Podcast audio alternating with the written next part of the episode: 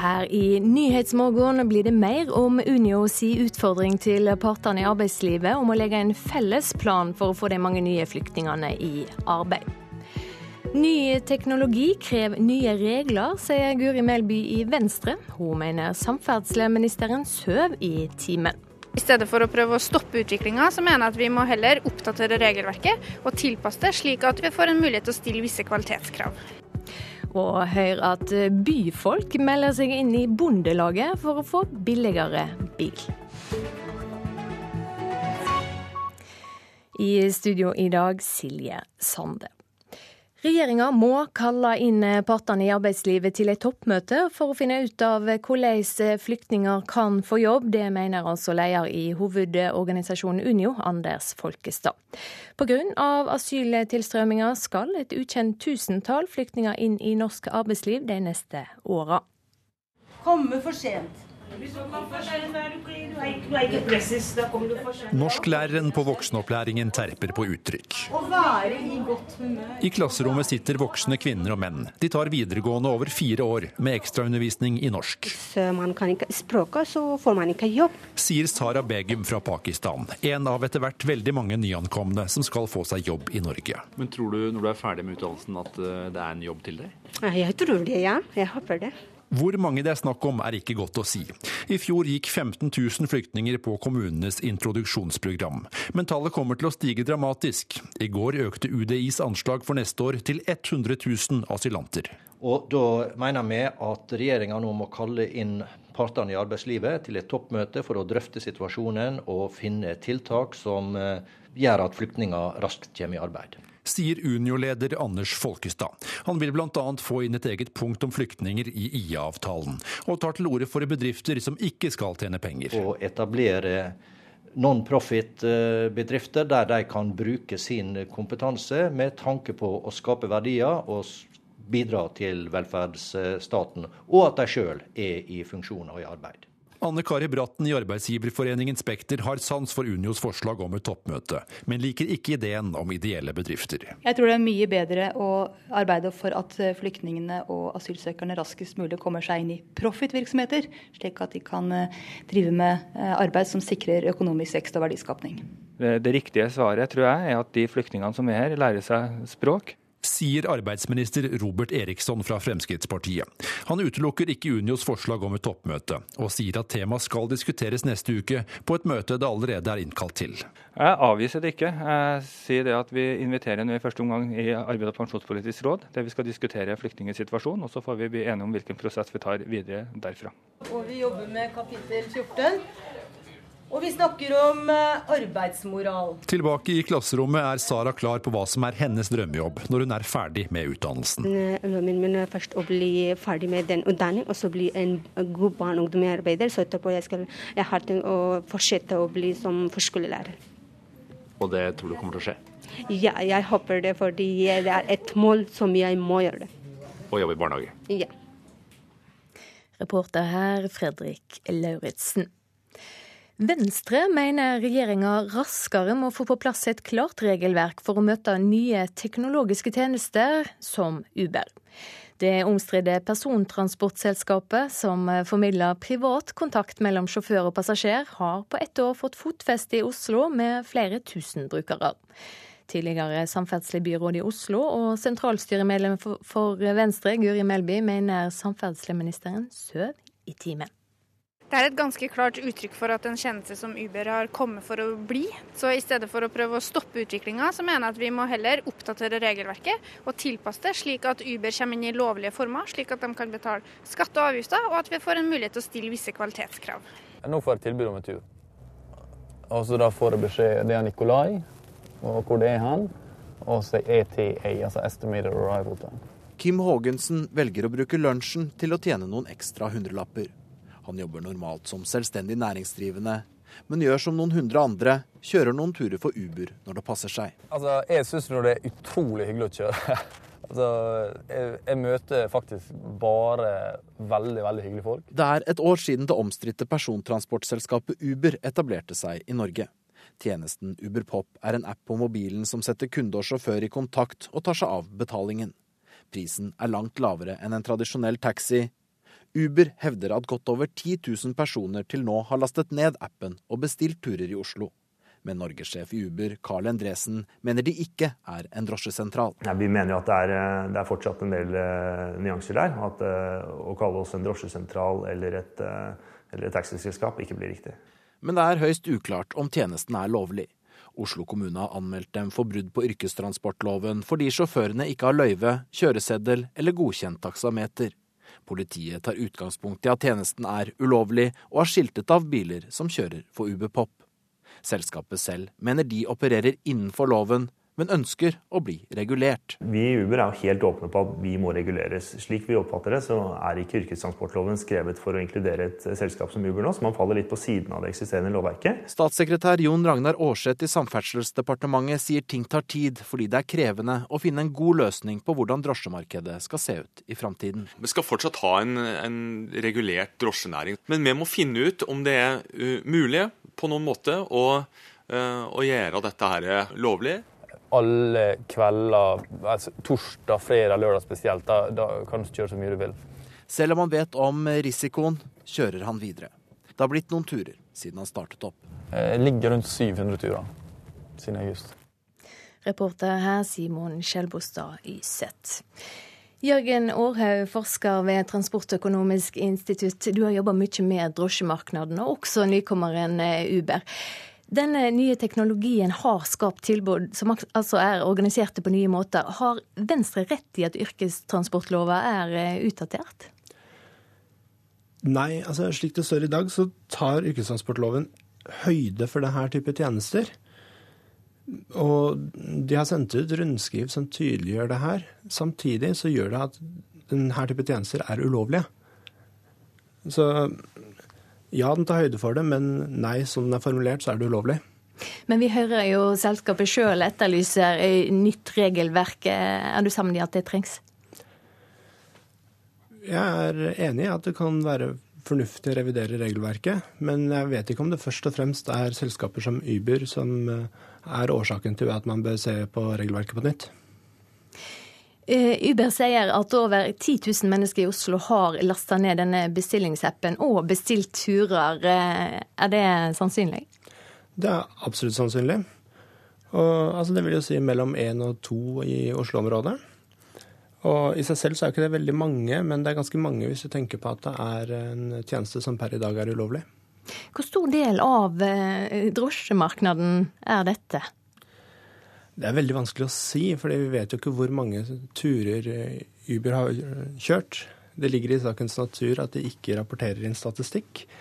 Eh, I fjor så var drosjemarkedet i Oslo på rundt 10 millioner turer, og 2,5 millioner i Akershus. Hvis vi antar at hver av brukerne har kjørt omtrent ti turer, så vil jo det utgjøre en markedsandel på en prosent over året. Kanskje litt høyere nå på slutten av året. Så lite sammenligna med den regulerte drosjenæringa ingen statistikk, men du har forska på dette. Vet du hvem som er sjåfører og hvem som er kunder? Egentlig så vet vi ganske lite om det. For jeg har ikke gjort noen studier som gjør at vi har noen representative utvalg. Men eh, de jeg har intervjua, har stort sett vært eh, unge menn. Eh, de som har brukt tjenesten, er stort sett sånn typiske early adapters av ny teknologi. Det, altså, viktig poeng er at de jeg er villig til å bruke ny teknologi, har smarttelefon, ikke har noen uh, ting som gjør at uh, de ikke passer inn i den relativt strømlinjeforma bestillingstjenesten. Så er det stort sett privatkunder på privatmarkedene. Eh, hvordan har bildet endra seg i byer i utlandet, dømes der Uber har etablert seg og vært til stede i lengre tid enn i Oslo? Igjen så er det litt vanskelig å svare på, fordi vi har ikke veldig god statistikk på det fra tredjepart. Eh, hvis du ser på New York som et eksempel, så ekspanderte de veldig raskt når de kom inn i markedet. Men så ser det ut, ut fra det vi har sett nå i det siste, på at de har nådd et sånt stagnasjonspunkt, og at de ender opp på sånn rundt 25% av det som da var eh, det totale drosjemarkedet. Takk skal du ha, Jørgen Aarhaug, forsker ved Transportøkonomisk institutt. Vi skal ta en kikk på forsiden av dagens eh, aviser. Hvor blir det av kapitalistene, spør Utlendingsdirektoratet i Dagsavisen. Norge mangler 100 000 mottaksplasser neste år, trass i at UDI lover asylmottakere sikker inntekt i flere år framover. Frp og Siv Jensen blir styrka av flyktningstrømmen i ny meningsmåling, forteller VG. Frp går fram med 4,4 prosentpoeng fra februar til en oppslutnad på 16,1, mens Høyre går tilbake 0,5 til 20,3% også Dagbladet har meningsmåling i dag. Den viser også framgang for Frp. Partiet får en framgang på 7,4 prosentpoeng fra oktober til 17,5% oppslutnad. Alle ser jo hva for konsekvenser asyltilstrømminga får for Norge, sier Siv Jensen til avisa. Ikke vær redd oss, ber flyktningene som er intervjua av Fedrelandsvennen i dag. Vi ønsker å være til nytte, sier familien fra Kurdistan som kom til Lindesnes natt til i går. Telenor-sjef Sigve Brekke snakker om CV-feil i Dagens Næringsliv, og spør hvorfor skulle jeg lyge. Nå har han saumfart safen, personalarkiv, nettsteder og årsrapporter for å forsvare seg mot skyldningene om juks. Stavanger Aftenblad forteller om to eksklusive biler som ble stjålet på i Sandnes og funnet igjen i Polen. Politiet ville ta bakmennene, og i samarbeid med forsikringsselskapet følger de med da de to dyre Audiene forsvant ut av landet. Polsk politi har fengsla flere i saka. Terror tok mer enn 32 000 liv i fjor, forteller Vårt Land. Mindre enn 3% av drapene skjer i Vesten, og de ekstreme islamistene i IS er den største trusselen. Frankrike skjerper grensene etter terroren i Paris, skriver Klassekampen. President Hollande krever strengere grensekontroller i Europa når EU-toppene samles i Brussel i dag. Paris Chetem, skriver Aftenposten på si framside. A-magasinet har samla tolv kjærlighetshistorier til Paris fra norske skribenter og forfattere. Fagforbundet advarer mot eh, Bent Høie sin sykehusplan i Nasjonen. Over 700 sykehussenger kan forsvinne dersom regjeringa kutter akuttkirurgien ved lokalsykehusene, mener LO-forbundet. Tallet er for høyt, svarer helseministeren. Vi skal ha sport og høre at eh, hopptalentet Philip Sjøen snart bør ta en avgjørelse om han vil holde fram på landslaget. Det sier hoppekspert i NRK Anders Jacobsen. 19 år gamle Sjøen sliter både med form og motivasjon. Han eh, ønsker et friere opplegg for å finne overskudd, men får nei fra landslagsledelsen. Og det er en avgjørelse Jacobsen støtter. Jeg tror det beste for han er å følge landslaget og prøve å lære mest mulig eh, av det systemet, for det har fungert i mange år. Her tror jeg det bare må settes et uh, ultimatum. Du er ikke dømt til å være med på landslaget. Du velger selv om du har lyst til å være med. Uh, og hvis ikke man skal følge det, så tenker jeg da er det plass til noen andre. Det er en individuell idrett, men, men vi reiser rundt som lag. Um, og det må, det, det må egentlig alle forholde seg til. Sa landslagssjef Støkkel i går om følgende krav fra stortalentet Filip Sjøen. Jeg spør om å få litt færre reisedøgn litt flere netter hjemme på Nesodden. og Det er lettere å koble av mellom øktene og få litt mer glede av det og få ting litt mer på avstand. Sjøen ble norgesmeister som 18-åring og kom i fjor inn i landslagsvarmen. Ekshopper og NRK-ekspert Johan Remen Evensen tykker landslagsledelsen bør vise tålmod med tenåringen. Selvfølgelig går det over år, år der, så må man jo sette et ultimatum og til hva du har lyst til å bli. Har du lyst til å bli skihopper eller noe annet? Men akkurat det tidspunktet her så tenker jeg at man kan gi litt rom for at han skal finne ut hvor han egentlig vil videre. og Hvis han om en måned eller to finner ut at det er skihopper han vil bli, så må man kjøre løpet fullt ut. Og Hvis han eh, finner ut at det er det han vil, så er motivasjonen ingen problem, tror jeg, til å reise rundt i verden og få komme til ferdige hoppbakker og kose seg med å hoppe langt på ski. Reporter Ole Rolfsrud. Klokka er 6.47. Du hører på Nyhetsmorgen i NRK P2 og Alltid nyheter. Unio-leder Anders Folkestad ber regjeringa kalle inn til et toppmøte i arbeidslivet om hvordan de nye flyktningene skal få seg jobb. Politiet holder fram med å avhøre vitner i dag etter at ei 17 år gammel jente i går kveld ble knivdrepen på et asylmottak i Sunndal. Venstre mener regjeringa raskere må få på plass et klart regelverk for å møte nye teknologiske tjenester som eh, Uber.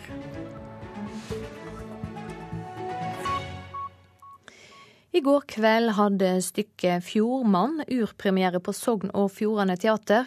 Teaterstykket handler om en ung mann som brenner ned et asylmottak, og det har fått mye oppmerksomhet. Teatersjef Terje Lyngstad var spent før teppet gikk opp. Jeg er veldig spent og gleder meg. Det er de to ordene som ligger nærmest. I går kveld hadde teaterstykket 'Fjordmann' urpremiere på Sogn og Fjordane teater. Før stykket var foajeen i Førdehuset fulgt opp med forventningsfulle publikummere og en dresskledd teatersjef Terje Lyngstad, som hadde sin siste premiere som teatersjef. Spent, fordi det er et stykke som eh, er en slags essens av det jeg tenker at vi har prøvd å få til i den tida jeg har vært her. Det å skape ny dramatikk og, og det å, å, å ha et politisk engasjerende tema. Og, og, faktisk eh, lage teater på en historie som har sitt på en måte opprinnelse her. Og så, så ble det mye mer universelt, så det handler om alle. Eh, oss alle, alle steder. Stykket handler om en ung, sint gutt som har hatt en vanskelig oppvekst. Han er inspirert av konspirasjonsteorier og ender opp med å sette fyr på asylmottaket i bygda. Gjennom tilbakeblikk får en som publikummer vite hva som førte fram til dette. Han har ødelagt livet mitt. Planlagt over lang tid? Nei, det er jeg sikker på at det ikke var. Det må ha vært et uhell. Jeg tror han er skremmende.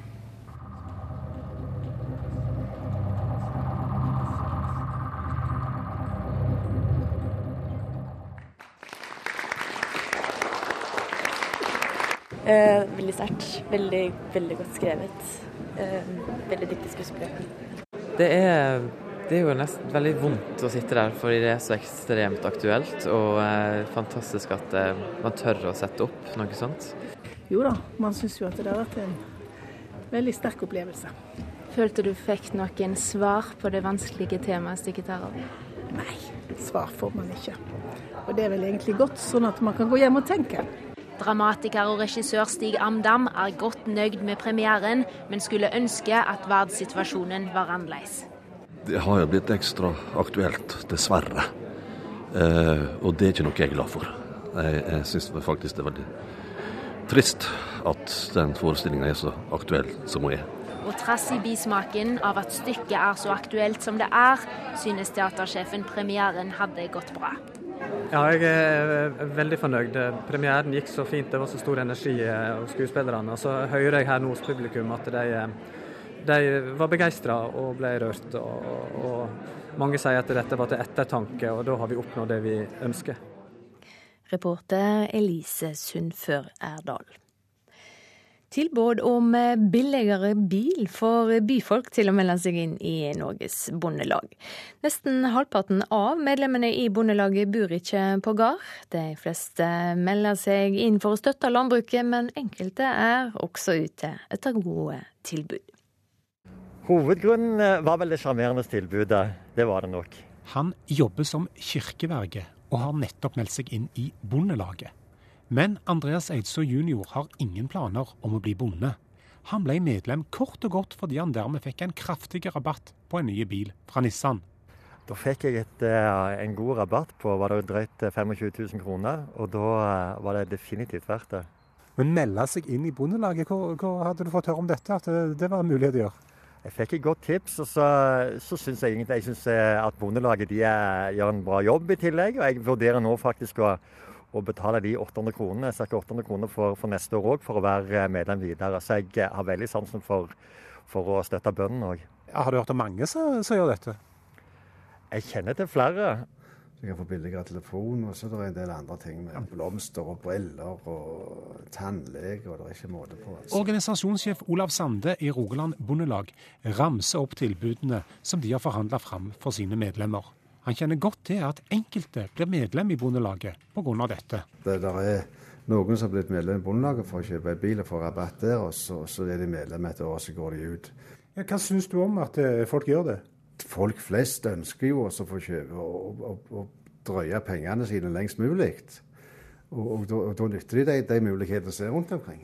Nesten halvparten av de 63 000 medlemmene i Norges Bondelag er verken bønder eller bor på gård. Likevel tror ikke Olav Sande at de fleste av disse blir medlem pga. billige biler, byggvarer eller briller. Vi ønsker jo at, at folk skal bli medlem i Bondelaget fordi de har et, et engasjement og ønsker å støtte Bondelaget i det arbeidet de gjør opp imot landbruket, og det de støtter også at Bondelaget gjør i, i bygda. Og selv om kirkeverket Andreas Eidså først og fremst ble medlem pga. bilen, så betaler han gjerne kontingenten neste år òg. Og jeg tenker egentlig blir alle glade her. Både de som selger bilen og de som og Bondelaget. Og jeg var veldig glad. Så dermed så må det jo være en vinn-vinn-situasjon. Og dermed får Andreas Eidså fortsatt gode tilbud på alt fra hotellrom til byggvarer. Men pussig nok, i Bondelaget finnes det ingen rabatt på traktor. Ja, det kan du si. ja, det er men vi får håpe det at når bonden skal, kjøpe, bonden skal kjøpe seg en traktor, så er han så god forhandler at han, at han klarer å fikse den jobben kanskje bedre enn Grol. Vi får ha det som utgangspunkt. Reporter Øystein Ellingsen. Skaperne av bilfilmen 'Burning' gir full gass og lager en oppfølger til fjorårets mest sette norske film.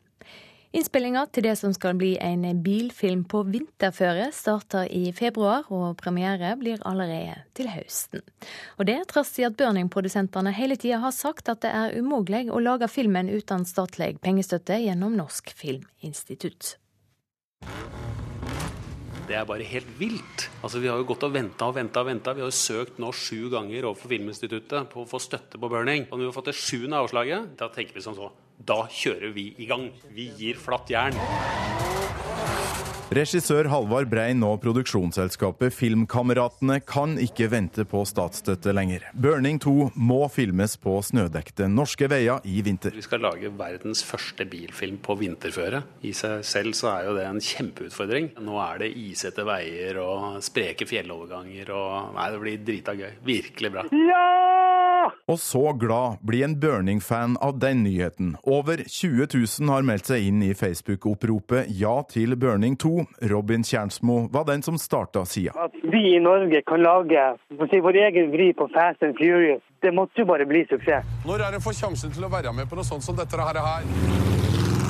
Over 380 000 nordmenn så 'Burning' på kino i fjor, og filmen fikk fire Amanda-priser. Produsent Jon Jacobsen med filmer som 'Veiviseren', 'Max Manus' og 'Trolljegeren' på samvittigheten mener det nærmest er blitt et folkekrav å få se en Burning-oppfølger. Man ønsker seg Burning 2, og det skal de nå få. Og det uten statlig filmstøtte, til tross for at Jacobsen i februar påsto at det var klin umulig. Det er umulig. Nei, det var ikke et spill for galleriet. Vi, eh, det er en relativt stor risk for oss. Vi har fått eh, større bidrag fra våre samarbeidspartnere enn det vi trodde vi ville få. Det er jo mange som tar risken på dette her, for oss å få dette gjort. Og det at Norsk Filminstitutt har avslått alle søknader om filmstøtte til Burning, mener Jacobsen svekker imaget til NFI. Burning er den filmen som på en måte publikum absolutt vil ha, og jeg mener at det er usmart av dem å ikke være med på dette prosjektet. NFI burde stå på publikums side. Produksjonsrådgiver i NFI Arve Figenschou tilbakeviser at publikumsfavoritter ikke blir prioritert, ettersom filmer som 'Askeladden' og 'Solan' og 'Ludvig' har fått filmstøtte det siste året. 'Burning' har rett og slett ikke nådd opp. Det er jo begrensa med rammer her i huset, så man kan aldri gjøre alle til lags. Burning-skaperne gir ikke opp å søke igjen om filmstøtte før fristen går ut neste uke. Og igjen og igjen. Ja, Vi har Burning 3 klar allerede, så det er bare å kjøre på. Smelle på. Flatt jern. Reporter Torkil Thorsvik. Vi skal ha et værvarsel som gjelder fram til midnatt. Fjellet i Sør-Norge, nordlig bris, av og til frisk bris utsatte steder i nord. Enkelte snøbyger i nordlige strøk, ellers opphold og perioder med sol. Østlandet og Telemark nordlig bris, av og til frisk bris i ytre Oslofjord. Spredde snøbyger nord på Østlandet, ellers til dels pent vær. Agder nordøstlig bris, i kveld frisk bris på kysten øst for Lindesnes. Opphold og perioder med sol.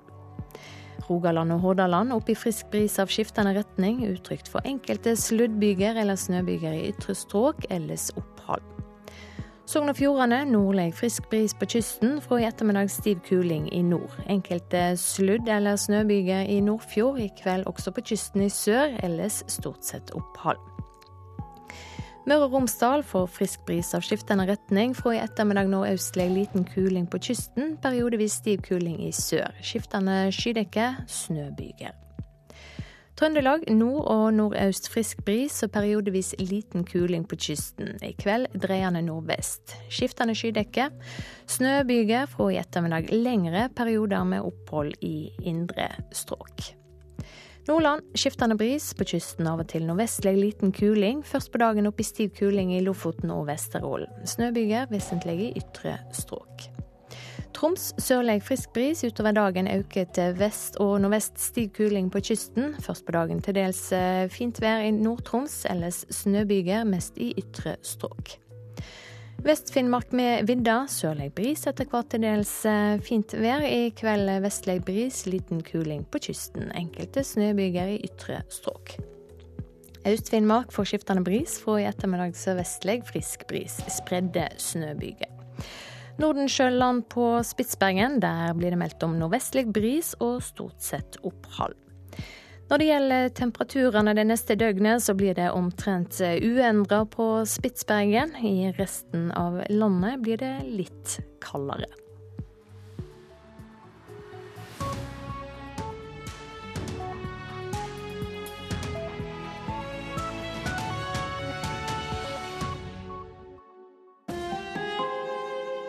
Hør ekko. Dersom du skulle flytte til et nytt sted, ville du da ha sjekket på forhånd hvilke naboer du får? Og ville du ha gått inn for å bli kjent med naboen? Eller er den beste naboen en du knapt nok kjenner? I Ekko får du vite hvilke naboer vi vil ha, og hvilke naboer vi burde ha ønsket oss. Hør Ekko helg i morgen. Ekko 9 11 i NRK P2. Verdens stormakter støtter Frankrikes forslag om å erklære krig mot IS, ifølge en britisk avis. Samferdselsministeren sover i timen, mener tidligere samferdselsbyråd i Oslo. Her er NRK Dagsnytt klokken sju ved Ida Creed. Verdens stormakter vil altså stille seg bak forslaget fra Frankrike til FNs sikkerhetsråd om å erklære krig mot ekstremistgruppen IS. Det skriver avisen The Independent, som hevder å ha fått innsyn i resolusjonsforslaget. Forslaget fra Frankrike er kort kraftig og fokusert på ett hovedmål, nemlig kampen mot vår felles fiende IS, sier Frankrikes FN-ambassadør til The Independent. I forslaget til FNs sikkerhetsråd ber Frankrike alle medlemsland med kapasitet om å benytte alle lovlige virkemidler mot de IS-kontrollerte områdene i Irak og Syria.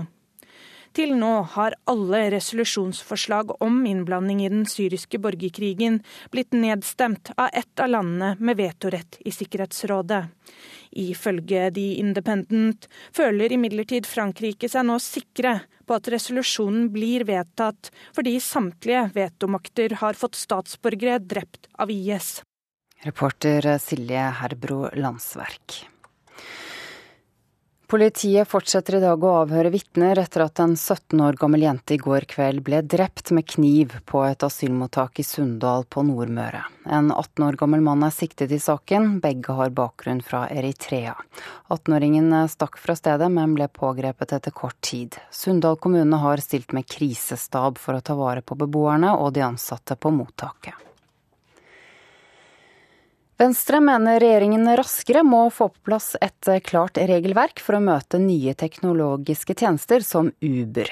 Det omstridte persontransportselskapet har på ett år fått fotfeste i Oslo med flere tusen brukere. Men selskapet er anmeldt både av drosjenæringen og Oslo kommune, som mener de driver ulovlig.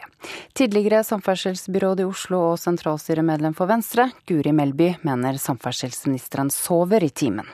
Det er et ganske klart uttrykk for at en tjeneste som Uber har kommet for å bli. Så i stedet for å prøve å stoppe utviklinga, så mener jeg at vi må heller oppdatere regelverket og tilpasse det slik at Uber kommer inn i lovlige former, slik at de kan betale skatte og avgifter, og at vi får en mulighet til å stille visse kvalitetskrav. Sa Guri Melby. Nord-Korea foreslår samtaler med Sør-Korea for å dempe spenningene mellom de to landene. Forslaget går ut på å møtes i grensebyen Panmunjom torsdag i neste uke. Og det sørkoreanske departementet for gjenforening bekrefter at de har fått invitasjonene til møtet, og sier de vurderer det. Det var NRK Dagsnytt.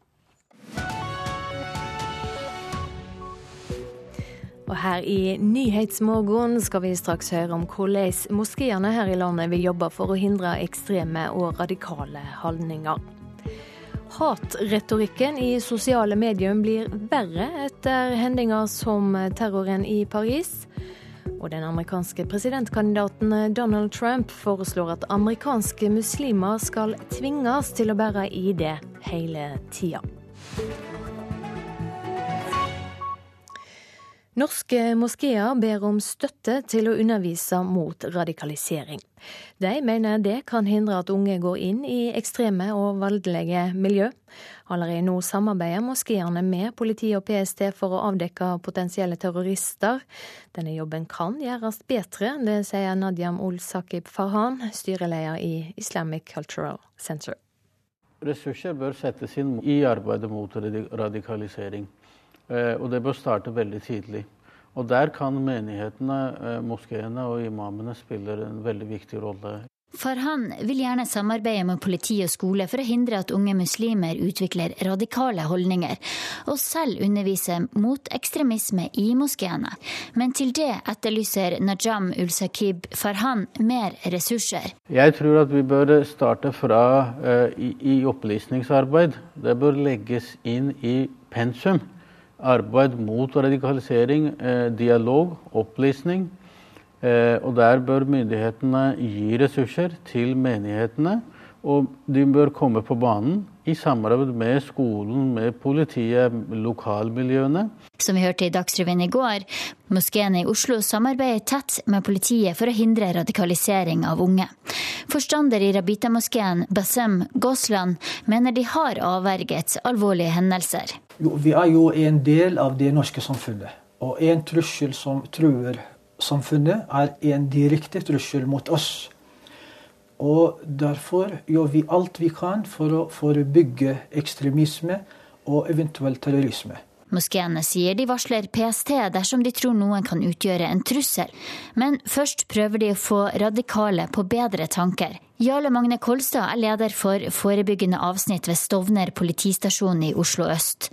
Politimannen mener det nytter å jobbe aktivt mot ungdom i faresonen. Det jeg ser, er at vi har hatt en rekke samtaler, eh, bekymringssamtaler. Og jeg vet jo at eh, en del av de vi har snakket med, brorparten har jo da faktisk forandret atferd til det bedre. Også i forhold til da, og, og atferd i forhold til voldelig ekstremisme. Og, og, har da begynt med andre eh, aktiviteter som ikke går i den retning. Eh, så ja, jeg vil vel påstå at eh, vi har avverget at noen kunne utvikle seg til å bli voldelige ekstremister. Reportasjen var laga av Linda Reinholdsen, Mohammed Alayobi og Anders Magnus. Med oss nå Sylo Tarako, leder i LIM-nettverket Likestilling, integrering og mangfold.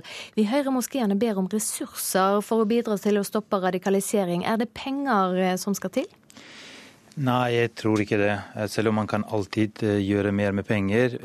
Men de religiøse menighetene har, i motsetning til sekulære organisasjoner som LIM og Minetenk, de har ganske mye ressurser og eh, bør kunne bidra eh, mer i kampen mot radikalisering uten å tilføre, eh, bli tilført ekstra ressurser. Hvordan?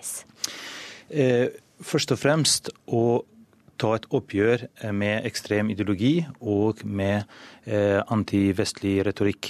Det er det viktigste. Og så skape et antiekstremisme-narrativ og utfordre de som Eh, rekrutterer eh, frustrerte eh, ungdom på leting etter identitet gjennom, gjennom antivestlig propaganda, som legitimeres også gjennom islamsk teologi. Det er det viktigste. Ellers så kan de følge opp individer i, i faresonen. De kan samarbeide med eller varsle familie og, og politi når det er når det er bekymring knyttet til eh, enkeltpersoner.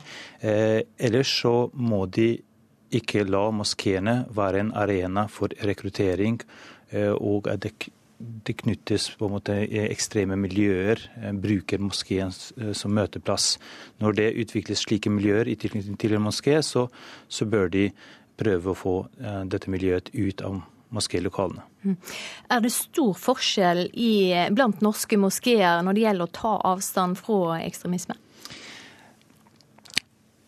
Ja, også det er uh, forskjellige ting her. Det ene er militant islamisme. Uh, som, som, jeg tror moskeene som stort sett tar uh, tydelig avstand fra. Men, men, man kan ha et problematisk forhold til det med islamisme og, og til menneskerettigheter, likestilling, homofiles rettigheter og generelt toleranse. Så dette er også noe som Eh, moskeene må jobbe med. Eh, fremme mer toleranse. Og det, det, som også er viktig, er at eh, man åpner for mer, bedre debattkultur innad i muslimske miljøer. At, at, man tør å ta opp kontroversielle spørsmål, at de diskuteres friere. At, at det, det, er mulig med, med kritikk, med uenigheter. Det, det, det, er avgjørende altså på lang sikt i kampen mot ekstremisme. Hvor stor påvirkning har imamene på de som går i moskeen? Nei, altså eh, Imamene er stort sett eh, litt eldre. Eh, og har mistet litt grepet på ungdommen, eller på unge muslimer. De snakker, Imamene snakker som regel etnisk språk og ikke nødvendigvis norsk. Så mange unge muslimer får leter etter teologiske forkynninger via internett og YouTube. Og karismatiske hatpredikanter er blitt flinkere til å snakke ungdommenes språk og til å appellere til dem. Så her har de også en jobb å gjøre, å finne måter å kommunisere med unge muslimer og forstå deres verden. Eh, kort til slutt, Hvordan blir det tatt imot innad at eh, moskeene samarbeider med politi og PST? Jeg, jeg, tror dette er eh, positivt, at de også viser helt åpent at de samarbeider. For det, det handler om vår felles trygghet. Og, slik vi hørte i innslaget, så kan man avverge alvorlige hendelser ved å varsle politiet i tide.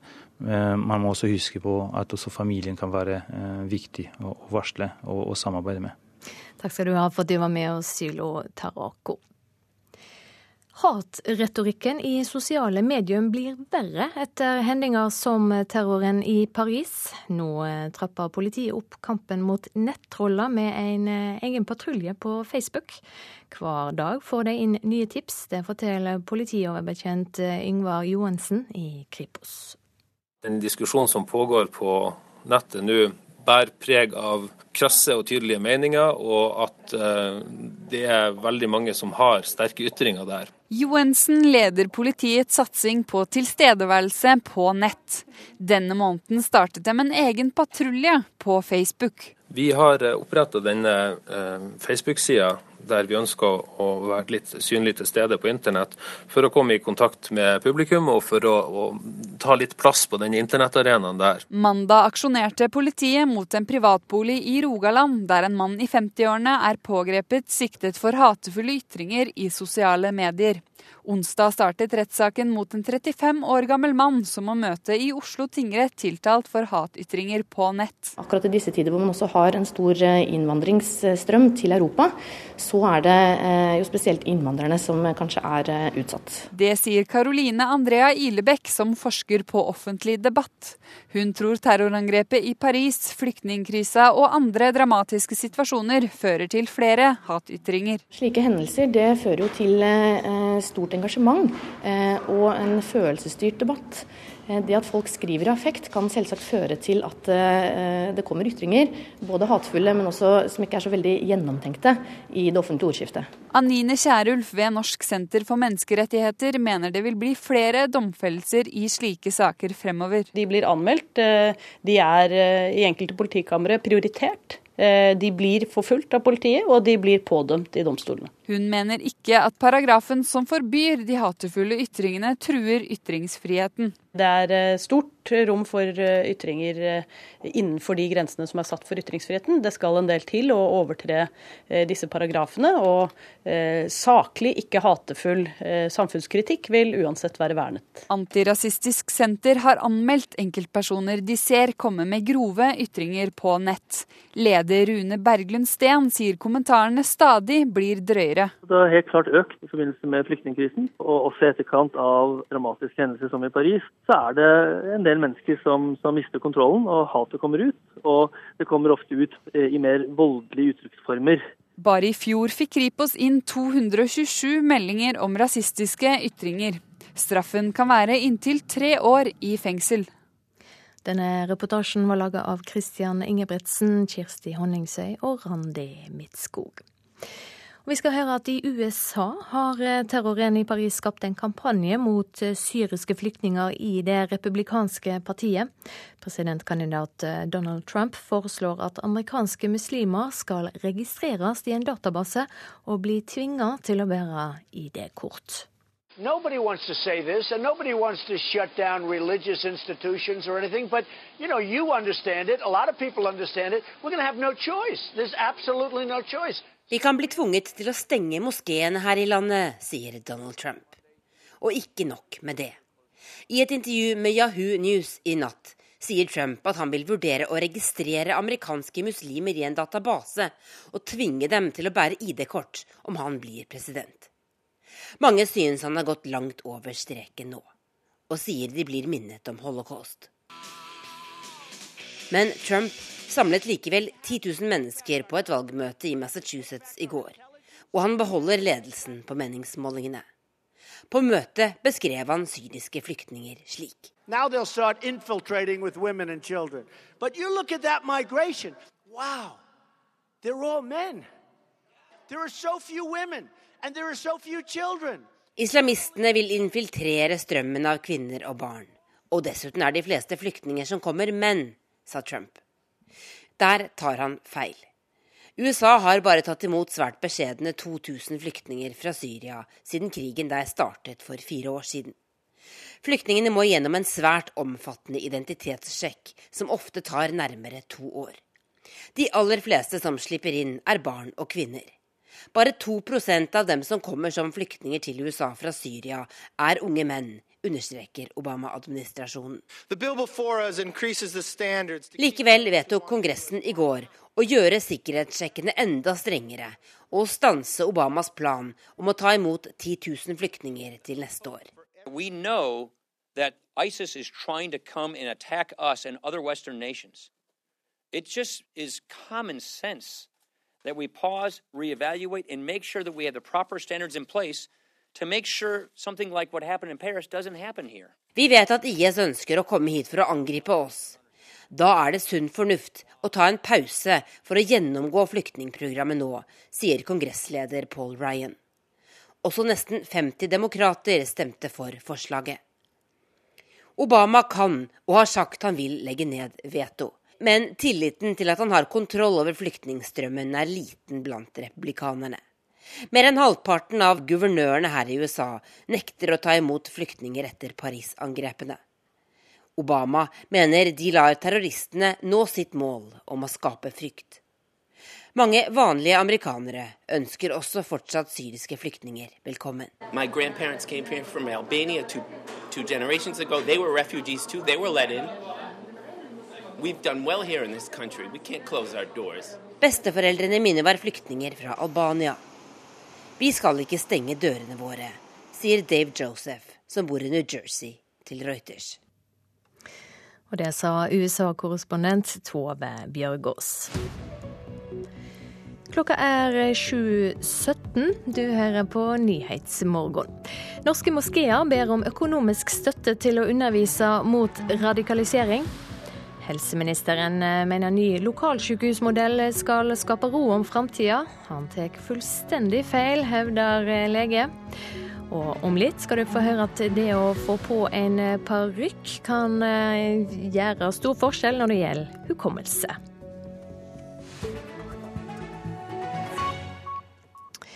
Men først nå skal det handle om samarbeidet mellom Russland og Frankrike. I går snakka sjefene for generalstabene i Russland og Frankrike sammen for å drøfte felles militær innsats i kampen mot eh, terrorisme i Syria. Neste uke kommer den franske presidenten til Moskva for å møte sin russiske kollega og korrespondent Morten Jentoft i Moskva. Er det en slags militær allianse mellom Hollande og Putin vi nå ser konturene av? Å trekke det så langt som eh, til en allianse er kanskje litt vanskelig å si, eller å gå litt langt. Men i alle fall, det er nå et samarbeid som er politisk veldig interessant på gang mellom Frankrike og Russland. Eh, historisk har jo de to landene hatt eh, gode forbindelser. Under samtalen i går mellom den russiske generalstabssjefen Valerij Gerasimov og hans franske kollega Pierre de Villiers, så diskuterte man først og fremst den militære og den politiske situasjonen situasjonen i eh, Syria. Eh, vi vet jo også at eh, den russiske presidenten Vladimir Putin har gitt ordre da, til sine militære, ikke minst flåten som er i Middelhavet, og samarbeider tett med den, de franske krigsskipene som er på vei til området, bl.a. hangarskipet Charles de Gaulle. så det er klart at Frankrike og Russland, som begge har vært utsatt for voldsomme terrorangrep de siste ukene, de eh, er på en måte i samme båt, og det er eh, med utgangspunkt i dette vi ser at landene nå også da eh, samarbeider militært. Men samtidig er det vel slik at tilhøvet mellom de to landene har vært kjølig den siste tida pga. hendelsene i Ukraina? Det har de vært. Det har vært uh, et veldig dårlig forhold da, mellom uh, Frankrike og Russland. Historisk som sagt så har det jo vært uh, gode forbindelser mellom Moskva og Paris, til tross for at Frankrike har vært en del av det vestlige samarbeidet i Nato. Så har det vært en åpen dør mellom Frankrike og Russland. Det samarbeidet har fått en knekk fordi at Frankrike, og ikke minst president Francois Hollande, har vært sterkt kritisk til den russiske innblandingen innblandingen i eh, Ukraina. Og Vi så jo også her tidligere i år at Frankrike da eh, stoppet og til slutt da avlyste en stor militær handel med to krigsskip da, som var nektet å selge til Russland pga. Ukraina-krisen. Men nå ser vi altså at eh, terror igjen er i ferd med å bringe de to landene tettere sammen. Så er det vel slik at Russland har jobba også diplomatisk for å få til en løsning eh, i Syria. Eh, hva skjer der nå? Ja, øh, vi har jo sett disse møtene som har vært i Wien på øh, De diplomatiske møtene som har vært i Wien, der man har forsøkt å finne fram til det som defineres som et slags veikart for en mulig fredsløsning i Syria. der er jo fremdeles det store stridsspørsmålet hva skal skje med regimet til Bashar al-Assad og Bashar al-Assad, den syriske presidenten personlig. Det er ennå ikke løst. Men vi ser også interessant nok at russerne også engasjerer seg på bakken inne i Syria. Russland har sagt at eh, eh, man eh, er villig til å samarbeide med det som man definerer som den mer ansvarlige opposisjonen, opposisjonsgruppa i Syria. Og vi ser bl.a. at eh, russerne har vært inne for å forhandle til lokale våpenhviler, bl.a. i dette omstridte Gota-området eh, øst for eh, den syriske hovedstaden Damaskus, der det var forhandlinger så sent som i går for å forsøke å få til en våpenhvile. og der ifølge flere nyhetsbyråer russere spiller en sentral rolle. Takk skal du ha for at du var med, korrespondent Morten Jentoft fra Moskva. Vi skal hjem igjen og høre at uh, helseministeren tar feil om han tror han får ro og fred gjennom å fjerne kirurgi- og akuttilbud fra lokalsykehusene. I dag blir Nasjonal helseplan lagt fram. Bent Høie trekker fram Sogn og Fjordane som et ideal, der lokalsykehus uten akuttkirurgi har skapt ro etter generasjoner med krangel. Men Høie tar grundig feil, det sier sjefen for legevakta i Nordfjord, Bent Ingebrigtsen. Her taler Bent Høie mot bedre vitende, og befolkningen er eh, såpass årvåkne at de skjønner at dette her ikke er fremtidig god helsetjeneste i Distrikts-Norge. Hei, hei. Denne veka besøkte helseminister Bent Høie prestisjeprosjektet Nordfjord sykehus. Sykehuset ble pekt ut som pilot av den forrige regjeringa. Ja, jo, jeg synes det er jo kjekt at jeg kan uh, takke den rød-grønne regjeringen for å ha satt i gang et prosjekt som heter Fremtidens lokalsykehus, som har bidratt til at vi har funnet en løsning i den nasjonale helse- og sykehusplanen på hvordan vi skal ta vare på de mindre uh, sykehusene i, i Norge. For få år siden gikk folk i fakkeltog for sykehuset. Svar, Aker, Nordfjord, Lærdal, Stord, Odda, Volda og de andre lokalsykehusene. Det som vi har sett eh, her i Sogn og Fjordane, er at det har vært eh, strid om sykehusene nesten i generasjoner, men endelig nå er det ro. Men legevaktsjefen i Nordfjord sitter igjen med en vond smak i munnen.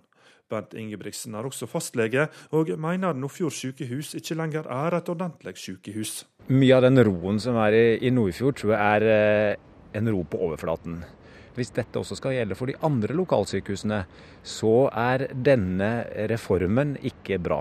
Ingebrigtsen frykter at nærmeste nabosykehus Volda nå vil miste funksjoner. Da blir mange av de akuttilbudene som Nordfjord-befolkningen nå har muligheten til å ha, de blir sterkt redusert.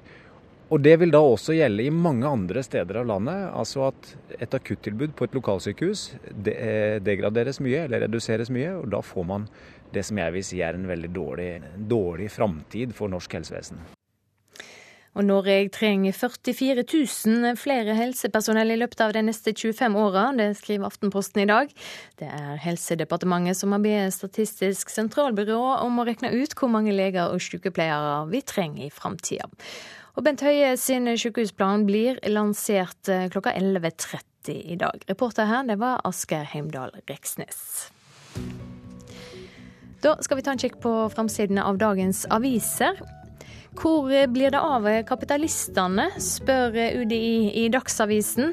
Norge mangler 100 000 mottaksplasser neste år, trass i at Utlendingsdirektoratet lover asylmottakere sikker inntekt i flere år framover.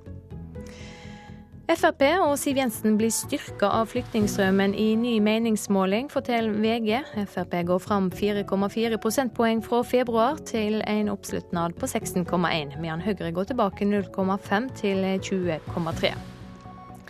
Også Dagbladets meningsmåling viser framgang for Frp.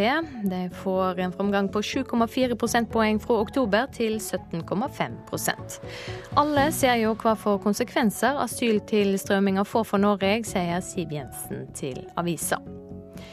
Ikke vær redd oss, ber flyktningene som er intervjua av Fedrelandsvennen i dag. Vi ønsker å være til nytte, sier familien fra Kurdistan som kom til Lindesnes natt til i går.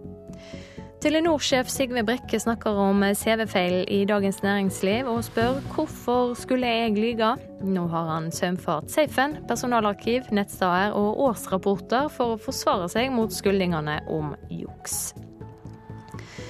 Stavanger Aftenblad forteller om to eksklusive biler som ble stjålet i Sandnes og funnet igjen i Polen. Politiet ville ta bakmennene, og i samarbeid med forsikringsselskapet følger de med da to dyre Audier forsvant ut av landet. Polsk politi har fengsla flere i saka. Terror tok eh, mer enn 32 000 liv i fjor, forteller Vårt Land. Mindre enn 3% av drapene skjer i Vesten, og de ekstreme islamistene i IS er den største trusselen. Frankrike skjerper grensene etter terroren i Paris, skriver Klassekampen. President Hollande krever strengere grensekontroller i Europa når EU-toppene samler seg i Brussel i dag. Paris Chetem skriver Aftenposten på si framside. og magasinet samler tolv kjærlighetshistorier til Paris fra norske skribenter og forfattere.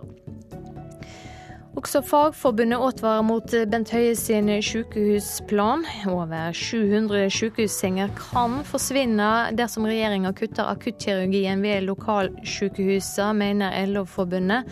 Tallet er for høyt, svarer helseministeren til Nasjonen.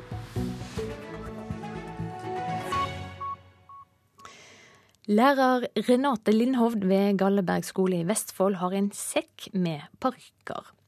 Ofte setter hun nytt hår på sitt eget og elevene sine hoved når hun underviser. Det kan gjøre under for undervisninga, sier høgskolelektor. Det hender at vi leser litt fra en bok også, men det er jo alltid litt gøy å ha på seg en eller annen parykk eller eh, en hatt når vi, skal, når vi skal ha med historiske personer. Lærer Renate Lindhovd finner fram sekken med hatter og parykker før hun går til timen. Da blir det litt ekstra gøy. I dag skal syvende klasse her på Galleberg skole i Sande lære om Vasco da Gama. Jeg tenker at Vasco da Gama skal få denne parykken i dag. Dette håret. Syns du ikke det er stilig? Med den hatten der, det ville være fint. Alle elevene får noe på hodet, og så blir de med å improvisere et enkelt skuespill fra dagens lekse. Mannskaper, dere skal være syke og sultne og klage noe fryktelig. Å, dere skal klage, dere skal ha så vondt i magen. Oi, oi, oi, oi, oi. jeg vurderer jo hele tiden min, hele vår egen praksis i 7. klasse. Hvordan, og vi som lærere, hvordan vi tilnærmer oss de forskjellige elevene. Og dette her er jo noe som samtlige gir tilbakemelding på at er gøy. Og ikke bare det, hun mener at elevene husker bedre når de har noe på hodet. At med en gang elevene begynner å le, eller når man begynner å le eh, i en type seanse eller et type skuespill, så husker man også mye bedre. Eh, jeg tenker at det er flere ting som aktiveres. Det sier høyskolelektor i drama ved Høgskolen i Buskerud og Vestfold, Fride Lindstøl. Hun tenker at dramatiseringen blir en unik konkretisering av lærestoffet. Det gjør noe med at man kanskje tør å bryte noen grenser, eller at ikke man er så opptatt av å være så eh, kontrollert og flink hele tiden. Eh, og det kan jo skape et læringsmiljø som gjør at man også tør å og snakke sammen med andre temaer og i samtaler f.eks. i klassen. Hun sier at lærerutdanningen i mindre grad enn før er opptatt av lærerens formidlingsevne, fordi man har blitt opptatt av å ha dyp kunnskap i fagene. Men internasjonale studier viser at estetiske fag i skolen høyner elevenes nivå, både når det gjelder fag og trivsel. Men jeg syns liksom at det funker, i hvert fall for meg, da. Og klassen. Det syns Eline Hauger, som sitter på bakerste rad. Mm, fordi at det går liksom an å hva skal jeg si, oppleve det, istedenfor bare å høre om det. Hva skal dere ha? Hva skal dere ha? Hva er det du har i handa di, Vasko? Kart. Det er noen kart, ja. Reporter her, det var Helena Rønning. Straks eh, tid for eh, Dagsnytt. Før det tar vi med at produsent for Nyhetsmorgen i dag. Kari, det er Kari Bekken Larsen. Her i studio, Silje Sande.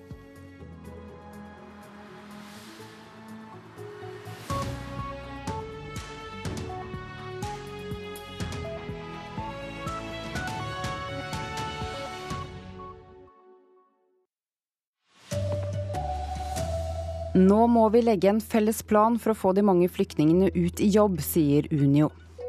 Stormaktene vil erklære krig mot IS i FNs sikkerhetsråd, ifølge en britisk avis.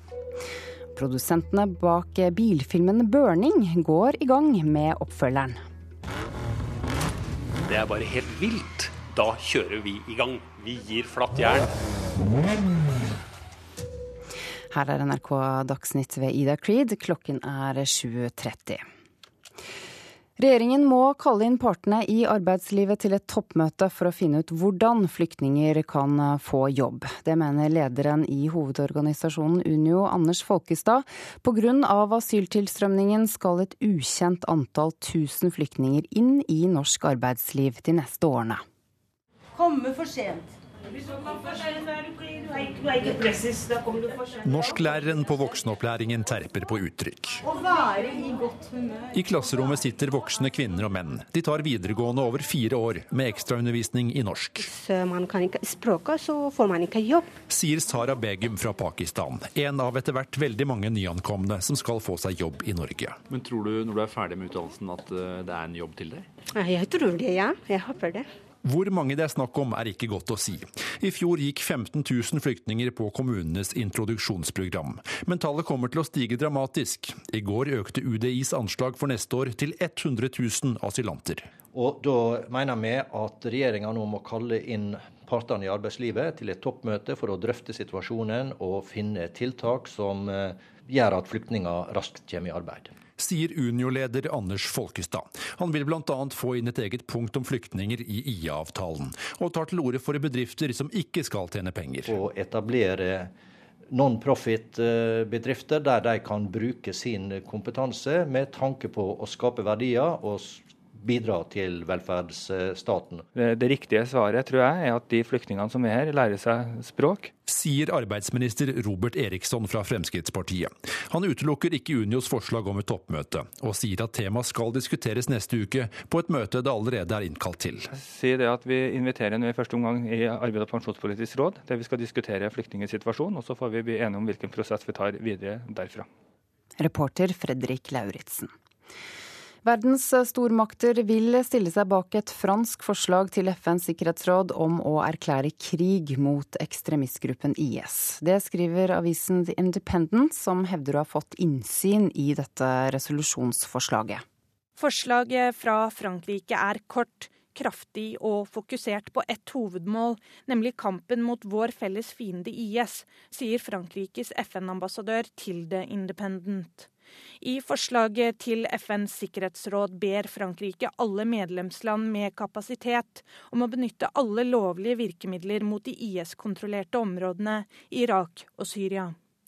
Til nå har alle resolusjonsforslag om innblanding i den syriske borgerkrigen blitt nedstemt av ett av landene med vetorett i Sikkerhetsrådet. Ifølge The Independent føler imidlertid Frankrike seg nå sikre på at resolusjonen blir vedtatt, fordi samtlige vetomakter har fått statsborgere drept av IS. Sa reporter Silje Herbro Landsverk. EU vil sannsynligvis stramme inn grensekontrollene for alle reisende til Schengen-området under et ekstraordinært møte i Brussel i dag. Møtet arrangeres etter terrorangrepene i Paris for en uke siden. Og det er ventet at innstramningene vil gjelde både Schengen-landenes egne borgere og folk som reiser utenfra. Samtidig vil Frankrike presse på for mer systematiske kontroller, noe som vil kreve en endring i Schengen-avtalen om åpne grenser. I USA har terroren i Paris skapt en kampanje mot syriske flyktninger i det republikanske partiet. Presidentkandidat Donald Trump foreslår at amerikanske muslimer skal registreres i en database og bli tvunget til å bære ID-kort. Nobody wants to say this, and nobody wants to shut down religious institutions or anything, but you know, you understand it. A lot of people understand it. We're going to have no choice. There's absolutely no choice. Vi kan bli tvunget til å stenge moskeene her i landet, sier Donald Trump. Og ikke nok med det. I et intervju med Yahoo News i natt sier Trump at han vil vurdere å registrere amerikanske muslimer i en database og tvinge dem til å bære ID-kort om han blir president. Mange synes han har gått langt over streken nå, og sier de blir minnet om holocaust. USA har bare tatt imot svært beskjedne 2000 flyktninger fra Syria siden krigen der startet for fire år siden. Flyktningene må gjennom en svært omfattende identitetssjekk, som ofte tar nærmere to år. De aller fleste som slipper inn, er barn og kvinner. Bare 2% av dem som kommer som flyktninger til USA fra Syria, er unge menn, understreker Obama-administrasjonen. Likevel vedtok Kongressen i går å gjøre sikkerhetssjekkene enda strengere og stanse Obamas plan om å ta imot 10 000 flyktninger til neste år. Det sa USA-korrespondent Tove Bjørgaas. Politiet her i Norge trapper opp kampen mot nettroll med en egen patrulje på Facebook nå. For hatretorikken i sosiale medier blir verre etter hendelser som terroren i Paris og flyktningkrisen. Mye av det som står fanges opp, sier politioverbetjent Yngvar Johnsen i Kripos. Den diskusjonen som pågår på nettet nå, bærer preg av krasse og tydelige meninger, og at eh, det er veldig mange som har sterke ytringer der. Johensen leder politiets satsing på tilstedeværelse på nett. Denne måneden startet de en egen patrulje på Facebook. Vi har eh, oppretta denne eh, Facebook-sida der vi ønsker å være litt synlig til stede på internett, for å komme i kontakt med publikum og for å, å ta litt plass på den internettarenaen der. Akkurat i disse tider hvor man også har en stor eh, innvandringsstrøm til Europa, så er det eh, jo spesielt innvandrerne som kanskje er eh, utsatt. Det sier Karoline Andrea Ilebekk, som forsker på offentlig debatt. Hun tror terrorangrepet i Paris, flyktningkrisa og andre dramatiske situasjoner fører til flere hatytringer. Slike hendelser det fører jo til stort engasjement og en følelsesstyrt debatt. Eh, det at folk skriver i affekt kan selvsagt føre til at eh, det kommer ytringer, både hatefulle, men også som ikke er så veldig gjennomtenkte i det offentlige ordskiftet. Anine Kierulf ved Norsk senter for menneskerettigheter mener det vil bli flere domfellelser i slike saker fremover. De blir anmeldt, eh, de er i enkelte politikamre prioritert. De blir forfulgt av politiet, og de blir pådømt i domstolene. Bare i fjor fikk Kripos inn 227 meldinger om rasistiske ytringer. Straffen kan være inntil tre år i fengsel. Reportere Christian Ingebrigtsen, Kirsti Honningsøy og Randi Midtskog. Flere kvinner enn menn tar høyere utdanning, og omtrent like mange kvinner som menn er forskere i Norge. Men i toppen blant professorene er 74% menn og bare 26% kvinner. På det nest høyeste akademiske nivået, førsteamanuensis, er menn i knapt flertall. Det skriver ukeavisen Ledelse. Dronning Sonja er blant kunstnerne som donerer egne verk til en auksjon til inntekt for Flyktninghjelpen og Leger uten grenser. Dronningen har donert et grafisk verk kalt Isglød, som skal auksjoneres bort under et arrangement i Kunstnernes hus i Oslo eh, i kveld. En av initiativtakerne til auksjonen, Marianne Heier, sier til Dagbladet at de sitter like stor pris på alle kunstnerne som donerer verk, men at de er veldig beæret over å ha med et bidrag fra dronning Sonja. Og så skal vi høre at eh, skaperne av bilfilmen 'Burning' gir eh, full gass og lager en oppfølger til fjorårets mest sette norske film. Innspillingen til det som skal bli en eh, bilfilm på vinterføre, starter i februar, og filmen skal ha premiere allerede til høsten. Det til tross for at Burning-produsentene hele tiden har sagt at det er umulig å lage filmen uten statlig pengestøtte gjennom Norsk Filminstitutt. Det er bare helt vilt. Altså, Vi har jo gått og venta og venta. Vi har jo søkt nå sju ganger overfor Filminstituttet. Og når vi har fått det sjuende avslaget, da tenker vi sånn så Da kjører vi i gang. Vi gir flatt jern. Regissør Halvard Brein og produksjonsselskapet Filmkameratene kan ikke vente på statsstøtte lenger. 'Burning 2' må filmes på snødekte norske veier i vinter. Vi skal lage verdens første bilfilm på vinterføre. I seg selv så er jo det en kjempeutfordring. Når er det får sjansen til å være med på noe sånt som dette her? Produsent Jon Jacobsen med filmer som 'Veiviseren', 'Max Manus' og 'Trolljegeren' på samvittigheten mener det nærmest er blitt et folkekrav å få se en Burning-oppfølger. Man ønsker seg Burning 2, og det skal de nå få. Og det uten statlig filmstøtte, til tross for at Jacobsen i februar påsto at det var klin umulig. Det er umulig. Nei, det var ikke et spill for galleriet. Vi, det er en relativt stor risk for oss. Vi har fått større bidrag fra våre samarbeidspartnere enn det vi trodde vi ville få. Reporter Torkil Torsvik og ansvarlig for Dagsnytt Sven Gullvåg.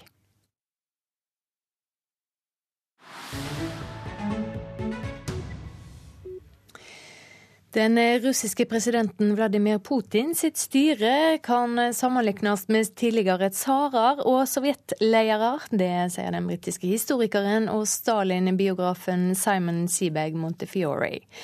Han ser en klar ambisjon hos Putin. Well, this is just the room where my children watch television, but I just dump all my um, old books here, and I've got Forfatter og historiker Simon Seabag Montefiore viser NRK inn i et rom i sitt store hus i Kensington, der han har stablet alle sine bokutgivelser på alle de språk de er utgitt på. Han har alltid hatt en sterk fascinasjon for Russland og det tidligere Sovjetunionen, og reiste også rundt som krigskorrespondent i Tsjetsjenia, Georgia og Estonia i flere år. Senere har han skrevet store historiske verk og biografier om Stalin både som ung og som leder, om fyrsten Grigori Potemkin og hans Katarina den store. Nå jobber han med det store Romanov-dynastiets historie fra 1613 og frem til revolusjonen i 1917. Så han kan utvilsomt et og annet om russisk historie. Men drar også klare linjer frem til vår tid og nåtidens hersker, om du vil, president Vladimir Putin, som medregnet sin korte periode som statsminister har styrt Russland i over 15 år. I, I mean, Putin is so much a sort of blend the Romanov past and the Stalinist past.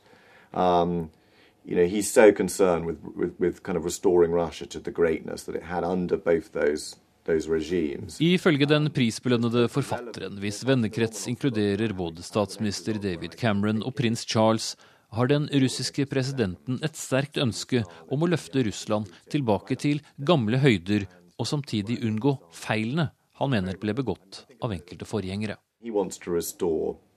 Kind of power Russia had um, under Catherine the Great, Alexander the First, you know, when they took Paris. Um, and then again when Stalin, when they took Berlin, and, and you know, those were the two kind of great high points of, of Russian power. And those things are very relevant to him. Og nettopp derfor har vi også fått den spente situasjonen med Ukraina og Krimhalvøya, mener han. He really kind of believes that a Russia without um, places like Ukraine, um, without a Near Eastern power base, without Crimea, um, is not a great power. And he wants to restore Russia as a great power. So that's what this is all about. So in a way, the Romanovs and my Stalin books are, you know, couldn't, couldn't really be more timely in a way. I don't want him here because I don't want to look out of my office and see Stalin, but he had to go somewhere. Et eh, digert oljemaleri av Josef Stalin troner ved trappenedgangen i Kensington-husets øverste etasje. Hans kone, forfatteren Santa Montefiore, kan styre sin begeistring over despoten som styrte Sovjetunionen med jernhånd i 30 år. Og Putin, hvis tredje og nåværende presidentperiode går ut i 2018, tenker nok også mye lenger, tror Simon Montefiore. Gorbachev, Tsars, Nicholas II. And his mission is to, is to rule, I think, for as long as possible. Og pga. de store politiske omveltningene i Russland de siste årene, har forfatterens gamle bøker blitt trykket opp på nytt der. Vanlige russere vil også sammenligne med fortiden. And now they like very much Catherine the Great and Potemkin. Why? Because Catherine the Great and Potemkin, you may know this, were the, were the czars who conquered the Crimea and Ukraine. Men å skrive noe historisk eller biografisk verk over Vladimir Putin, det er ikke noe som frister. Ikke minst fordi det i vår moderne tidsalder knapt finnes skriftlig dokumentasjon tilgjengelig. Det var vår London-korrespondent Espen Aas som hadde møtt den britiske forfatteren. Norsk arbeidsliv må legge en felles plan for å få de mange flyktningene ut i jobb. Det sier Unio. Verdens stormakter vil stille seg bak et fransk forslag til Tryggingsrådet i FN om å gå til krig mot ekstremistgruppa IS. Det skriver den britiske avisa The Independent i dag. Norske moskeer ber om økonomisk støtte til å undervise mot radikalisering. Den eh, amerikanske presidentkandidaten Donald Trump foreslår at amerikanske muslimer skal tvinges til å bære ID hele tida. Nå blir det straks eh, Politisk kvarter. Programleder der i dag er Astrid Randen.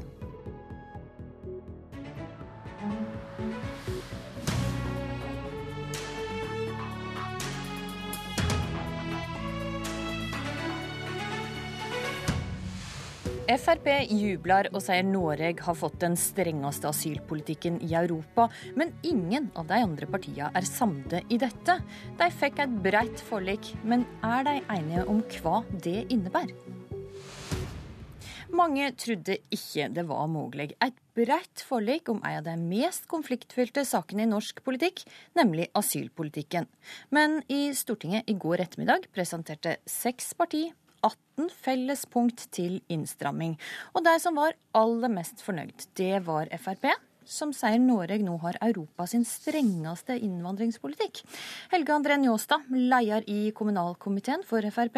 Du er med oss på linje, og hva konkret i denne avtalen er det som gjør at det nå hevder at Norge har Europas strengeste asylpolitikk? Nei, det er jo mange, mange eksempler i denne avtalen som eh, er innstramminger. Både avtalen i går eh, er innstramminger, stortingsvedtaket i går er innstramminger. Der uh, hører vi det litt dårlig, Njåstad. Med KrF og Venstre. Njåstad, jeg hører det litt dårlig, denne linja. Eh, jeg lurer på om jeg skal prøve å ringe det opp igjen. Ja. Og eh, går videre til det Ingjerd Schou, innvandringspolitisk talsperson i Høyre. For å høre med det, altså Frp hevda både i går og altså nå at eh, vi har den strengeste innvandringspolitikken i Europa. Er Høyre enig i den framstillinga? Jeg tenker at nå skal vi eh, klare å være opptatt av resultatene. Eh, Høyre har klart å samle altså 95 eh, av de partiene og oss som sitter på Stortinget i å få til en avtale som gjør at vi får raskere og mer effektiv behandling, og at vi får innstramning. Og folk vil ha innstramninger. Og samtidig så skal vi ha en effektiv saksbehandling, sånn at de som trenger eh, beskyttelse, de skal få det. Men de som har tenkt å legge veien til Norge, eh, og som ikke har de grunnene, de bør eh, tenke på, på, en, på en annen vei. Men jeg tenker at nå er det resultatene som teller. og Folk har forventet et nasjonalt altså, lederskap. FRP hevder resultatet er at Norge har den strengeste innvandringspolitikken i Europa.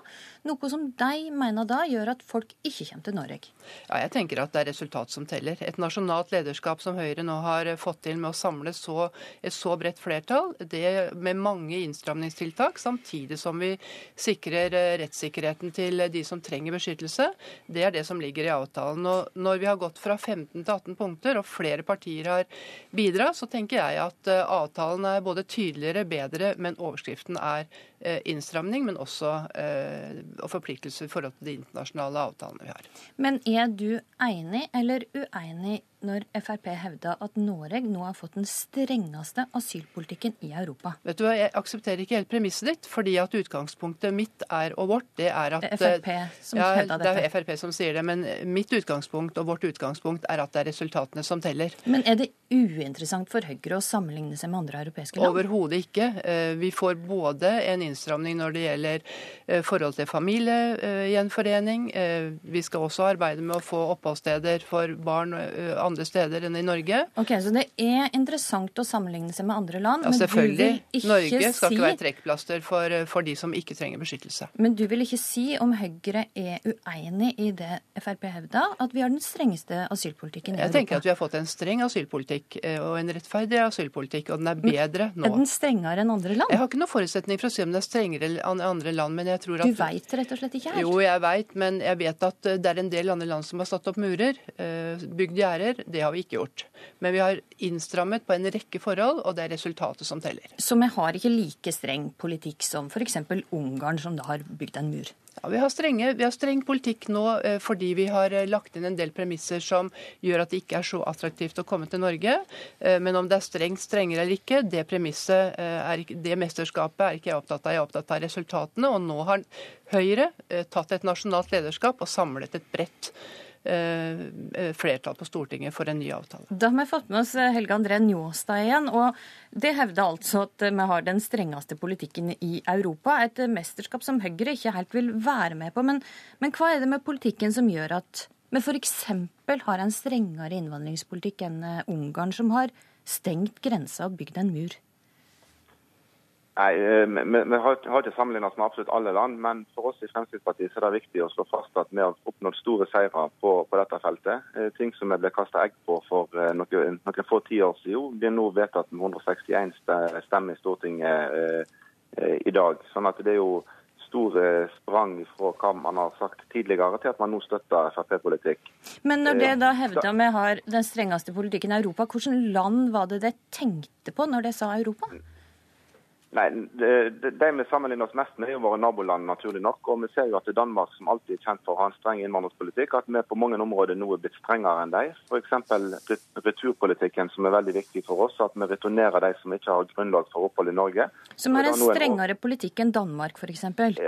Ja, der har vi nå en overslagsbevilgning i Norge, eller skal få. sånn at eh, nå returnerer vi de vi kan, uavhengig av å tenke på budsjett. Mens i Danmark så må man forholde seg til budsjett. Så på det området så eh, er Norge strengere enn Danmark. Og en rekke andre felt så tar Fremskrittspartiet og de andre partiene nå Norge i en retning som gjør at vi kan tydelig si at vi er blant de strengeste i Europa. og Det er en merkelapp som jeg syns er viktig å ha for å sende et tydelig signal om at uh, i Norge er det 161 stortingsrepresentanter som vil føre en streng og innstrammende politikk, sånn at ikke vi får de tilkomstene som vi nå ser at vi har fått uh, i, i vår. Men blant de strengeste i Europa, og det tenkte, når det sa Europa, så tenkte det egentlig mest på nabolandene våre, Sverige og Danmark? Det er jo de man sammenligner oss med i, første omgang, men i utgangspunktet så er ambisjonsnivået vårt at vi skal være streng i, strengest i Europa, og at vi skal ha en streng innvandringspolitikk. Dette har vi kjempet for i 30 år. Dette kjempa vi for i september når alle andre snakket om andre ting. Eh, og dette kjemper vi for i dag. og Heldigvis har vi et stort eh, flertall bak oss i vår politikk. Eh, og det er jo selvfølgelig gledelig, eh, ikke minst for nasjonen. For det er jo nå vi virkelig trenger Frp-politikk i Norge når, det, når vi ser hvordan tilstrømmingene har vært de siste månedene. Mm. Nestleder i kommunalkomiteen, Helga Pedersen.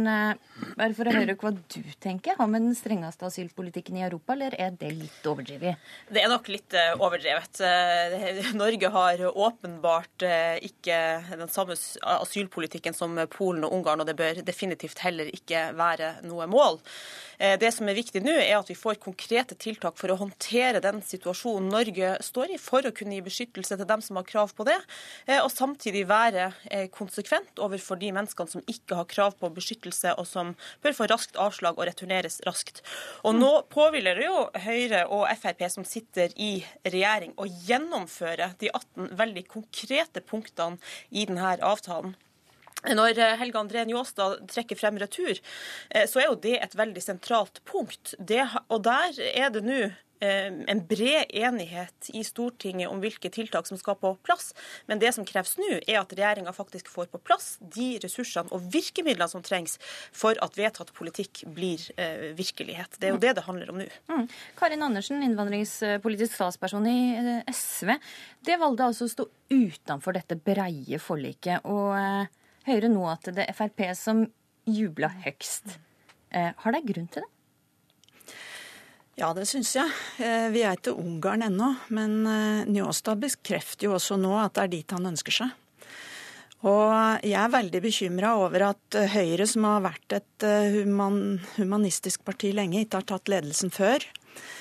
Nå lager man mange tiltak for å gjøre det verre for de som har fått opphold og har beskyttelsesgrunn. Og man åpner til og med for å reforhandle FNs flyktningekonvensjon i ei tid der eh, konfliktnivået er høyt, og der eh, nesten ingen land lenger tar ansvar for flyktningene.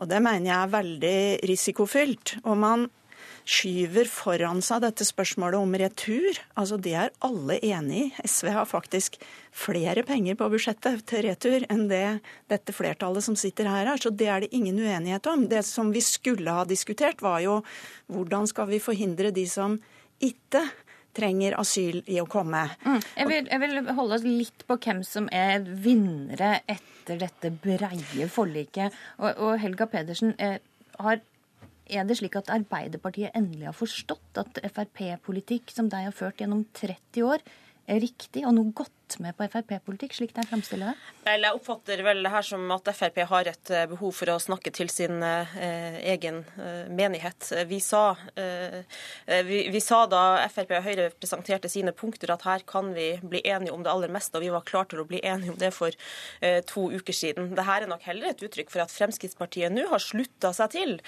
det som over lang tid har vært en bred tverrpolitisk enighet i Stortinget om asylpolitikken. Nå gjør vi nødvendige justeringer og endringer i dagens situasjon. Men Frp har jo for det første ikke fått gjennomslag for det de predika senest i forrige uke, om at vi skulle stenge grensene. Ja, Da får du få svare på det, Njåstad. Nei, Vi har aldri foreslått med i Stortinget å stenge grenser. Med, med den lange Men flere Frp-representanter har foreslått det, bl.a. din nestleder eh, Per Sandberg. Nei, man har snakket om å litt få kontroll over Storskog, men å stenge grensa med den lange kystlinja og lange grensa vi har, så er jo ikke det realistisk. og Det er ikke det vi ønsker oss heller. Eh, men vi ønsker å ha den strengeste asylpolitikken eh, i Europa. Det har vi ønsket i 30 år. Eh, og Det er jo spesielt å høre at vi har sluttet oss til de andre. Det var faktisk de andre partiene som hadde et Syria-forlik for et par måneder siden, og som har hatt en, en retorikk som har vært med å skape den situasjonen vi står i. Eh, sånn at det, det, er ikke tvil om at det er Fremskrittspartiet som har på en måte fått gjennomslag nå. og at, eh, at det vi har ment hele tida og stått rakrygga og ment, eh, er det som de andre partiene nå har slutta seg til i større grad. Okay. Det er viktig. Ok, Jeg går til Ingjerd Schou og Høyre. Er det Frp som nå har fått gjennomslag? Jeg syns vi har hatt et godt samarbeid, eh, konstruktivt, konstruktivt, samarbeid på Stortinget nå. 161 eh, representanter slutter seg altså til et bredt forlik om å stramme inn. Eh, og fra 15 til 18 punkter så har alle bidratt til at dette har blitt mye bedre. Og jeg må jo si til SV at det er forunderlig at man har mistet bakkekontakten så til de grader. Altså Man kan være for mye, men man er altså ikke med på avtalen. Ikke vil man stramme inn på eh, familiegjenforening, ikke vil man sende ut eh, til land der hvor situasjonen har bedret seg, ikke vil man være med på å ha omsorgssentre i nærheten eh, for barn istedenfor å ha det i Norge, ikke vil man diskutere internasjonale forpliktelser. Og det farlige med dette den holdningen som SV inntar, det er at vi har en så god situasjon i Norge i dag fordi mange stiller opp for de som faktisk trenger asyl eh, og trenger å bli en del av vårt norske samfunn.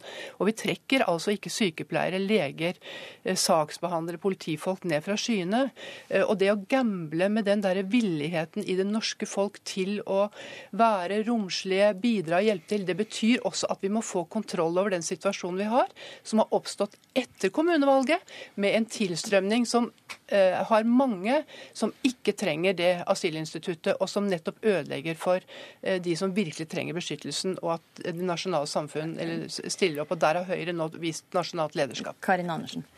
Dessverre er det sånn at dette lukka regjeringa øya for. Det alle måtte se ville komme. Røde Kors satte altså krisestab i august. Regjeringa la fram et budsjett i oktober med kutt på disse områdene. De har bidratt til kaoset, og de bruker kaoset til å fremme innstrammingsforslag. Ikke for de som ikke har beskyttelsesbehov, men for de som faktisk har det. Og jeg har ikke noe tro på at integreringa i Norge kommer til å gå bedre om flyktningene ikke får Eh, ta hit en familie som er splitta av krig, f.eks., der kone og barn sitter igjen i Syria. Men mindre SV stiller seg mindre... nå på utsida og kan ikke være med på de samtalene som dette breie forliket skal ha om integrering som skjer framover? Eh, for å si det sånn, Såpass tru har jeg på de andre partiene at hvis vi legger fram konkrete, gode forslag på integrering, som virkelig er integreringsforslag, og ikke anti-integreringsforslag, sånn som de har nå gått med på, så er de villige til å se på de uansett. De kan få dem også gratis hvis de tar dem inn i et nytt forlik. Jeg regner med at de er såpass seriøse at de vil være med og diskutere forslag som gjør at mange flere av de som skal få opphold her, faktisk kan klare seg sjøl i samfunnet og kan jobbe og bidra i samfunnet. For det er viktig nå, for det er mange som kommer, og det er viktig at de okay. klarer seg bra. Men dette er jeg faktisk dundrende uenig i. fordi det SV gjør nå, det er at man stiller seg totalt på utsiden Eh, og det er slik at det er attraktivt å komme, bl.a. fordi vi har de familiegjenforeningsfamilier Et øyeblikk, Karin Andersen. Men familiegjenforening er, eh, og det systemet vi har hatt, er attraktivt og vil være tiltrekkende. Det, det, du driver med nå, det er at du har stilt deg også på utsiden av det som går på integreringsbiten, for det ligger i oppfølging av denne avtalen. Jeg, jeg syns det sier og, alt om dette forliket hvis det er sånn at man legger gode integreringsforslag på bordet, og de skal man ikke høre på fordi de kommer fra feil parti. Det må jeg si er useriøst. Du har stilt deg utenfor avtalen. Ingjerd Schou, Karin Andersen. Helga Pedersen og Helge André Njåstad, beklager, der må jeg avbryte debatten, for eh, Politisk kvarter går mot slutten. Men til slutt så må jeg ta med at eh, landet stadig venter på SMI om et eh, statsbudsjett å styre etter neste år. Presset på partene auka, nå er fristen sett til lørdag. Vi følger forhandlingene tett.